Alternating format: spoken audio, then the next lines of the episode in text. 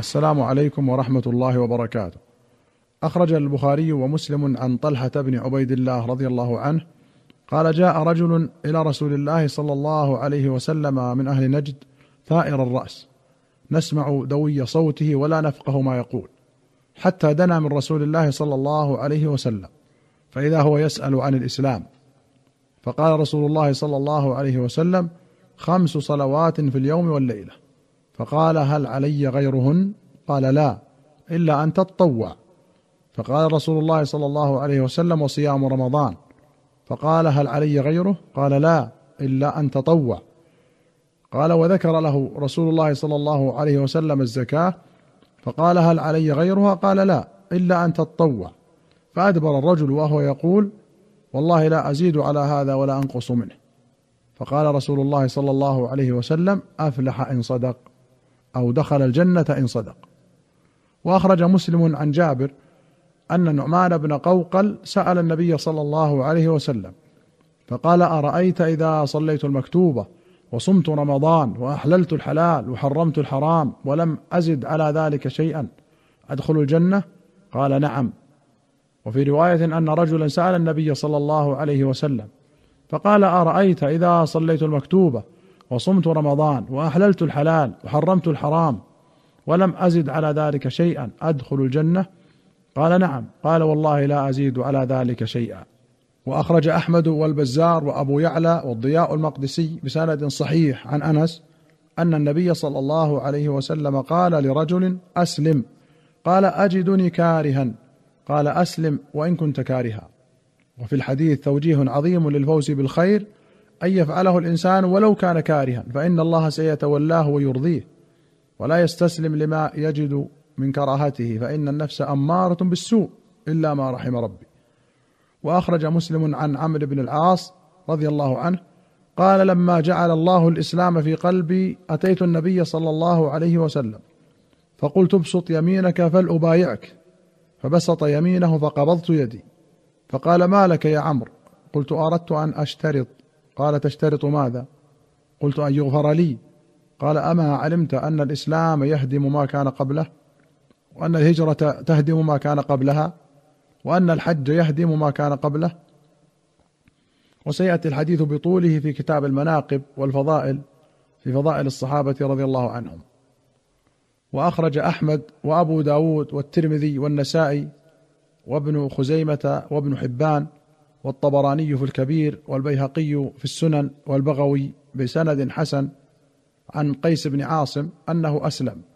فأمره النبي صلى الله عليه وسلم أن يغتسل بماء وسدر. وفي رواية قال أتيت رسول الله صلى الله عليه وسلم أريد الإسلام فأمرني أن أغتسل بماء وسدر. قال الخطابي رحمه الله هذا عند أكثر أهل العلم على الاستحباب لا على الإيجاب. وكان أحمد بن حنبل وأبو ثور يوجبان الاغتسال على الكافر إذا أسلم قولا بظاهر الحديث. وأخرج ابن أبي شيبة وأحمد وأبو داود والنسائي والبيهقي في السنن بسند صحيح عن يزيد بن عبد الله بن الشخير قال كنا بالمربد بالبصرة فإذا رجل أشعث الرأس بيده قطعة أديم أحمر فناولناها فإذا فيها من محمد رسول الله إلى بني زهير بن أقيش. حي من عكل. إنكم إن شهدتم أن لا إله إلا الله وأن محمد رسول الله وأقمتم الصلاة وآتيتم الزكاة وأديتم الخمس من المغنم وسهم رسول الله صلى الله عليه وسلم وسهم الصفي أنتم آمنون بأمان الله ورسوله. فقلنا من كتب لك هذا الكتاب؟ قال رسول الله صلى الله عليه وسلم. المربد محلة بالبصرة من أشهر محالها وأطيبها. وقد صرح باسم الصحابي في بعض الروايات بأنه النمر ابن تولب العكلي رضي الله عنه. قال الخطابي أما سهم النبي صلى الله عليه وسلم فإنه كان يسهم له كسهم رجل ممن شهد الوقعة. حضرها رسول الله صلى الله عليه وسلم أو غاب عنها.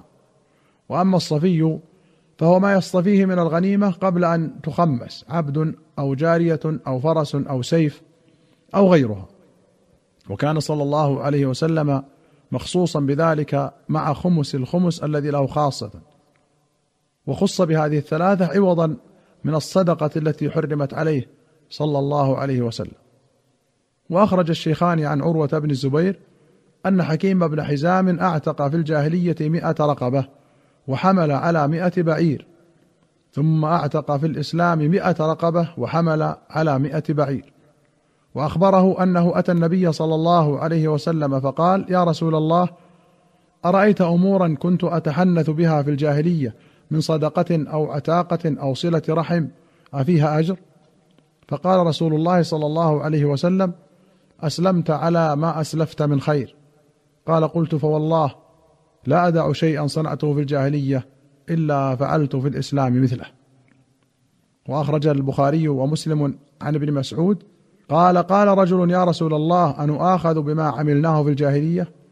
قال من أحسن في الإسلام لم يؤاخذ بما عمل في الجاهلية ومن أساء في الإسلام أخذ بالأول والآخر. وأخرج البخاري عن عبد الله بن عمرو بن العاص رضي الله عنهما أن رسول الله صلى الله عليه وسلم قال المسلم من سلم المسلمون من لسانه ويده والمهاجر من هجر ما نهاه الله عنه. وأخرج البخاري ومسلم عن أبي موسى رضي الله عنه قال قلت يا رسول الله أي المسلمين أفضل؟ قال من سلم المسلمون من لسانه ويده. وأخرج أحمد والدارمي وابن ماجة وأبو داود والترمذي والنسائي وابن حبان والطبراني في الكبير والبيهقي في الشعب بسند حسن عن زيد بن ثابت رضي الله عنه. قال سمعت رسول الله صلى الله عليه وسلم يقول ثلاث لا يغل عليهن قلب مسلم أبدا. إخلاص العمل لله ومناصحة ولاة الأمر ولزوم جماعة المسلمين فإن دعوتهم تحيط من ورائهم. قوله لا يغل عليهن أي لا يغل معهن وروي لا يغل من الإغلال وهو الخيانة. وروي لا يغل بفتح الياء من الغل وهو الحقد أي لا يدخله حقد يزيله عن الحق. وروي لا يغل بالتخفيف من الوغول وهو الدخول والشر. قال ابن الأثير والمعنى أن هذه الخلال الثلاث تستصلح بها القلوب فمن تمسك بها طهر قلبه من الخيانة والدغل والشر.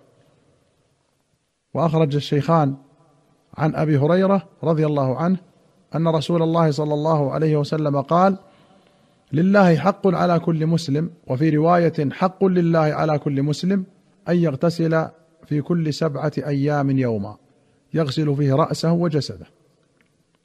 هذا عام يشمل من وجبت عليه الجمعة ومن لم تجب عليه كالنساء والصبيان والعبد والمسافر. أما غسل الجمعة فيستحب لمن شهدها وسيأتي في باب صلاة الجمعة إن شاء الله. وأخرج الشيخان عن أبي هريرة أن رسول الله صلى الله عليه وسلم قال حق المسلم على المسلم خمس رد السلام وعيادة المريض واتباع الجنازة وإجابة الدعوة وتشميت العاطس. ولمسلم حق المسلم على المسلم ست قيل ما هن يا رسول الله؟ قال إذا لقيته فسلم عليه وإذا دعاك فأجبه وإذا استنصحك فانصح له وإذا عطس فحمد الله فشمته. وإذا مرض فعده وإذا مات فاتبعه. أيها المستمعون الكرام إلى هنا نأتي إلى نهاية هذه الحلقة. حتى نلقاكم في الحلقة القادمة إن شاء الله. نستودعكم الله. والسلام عليكم ورحمة الله وبركاته.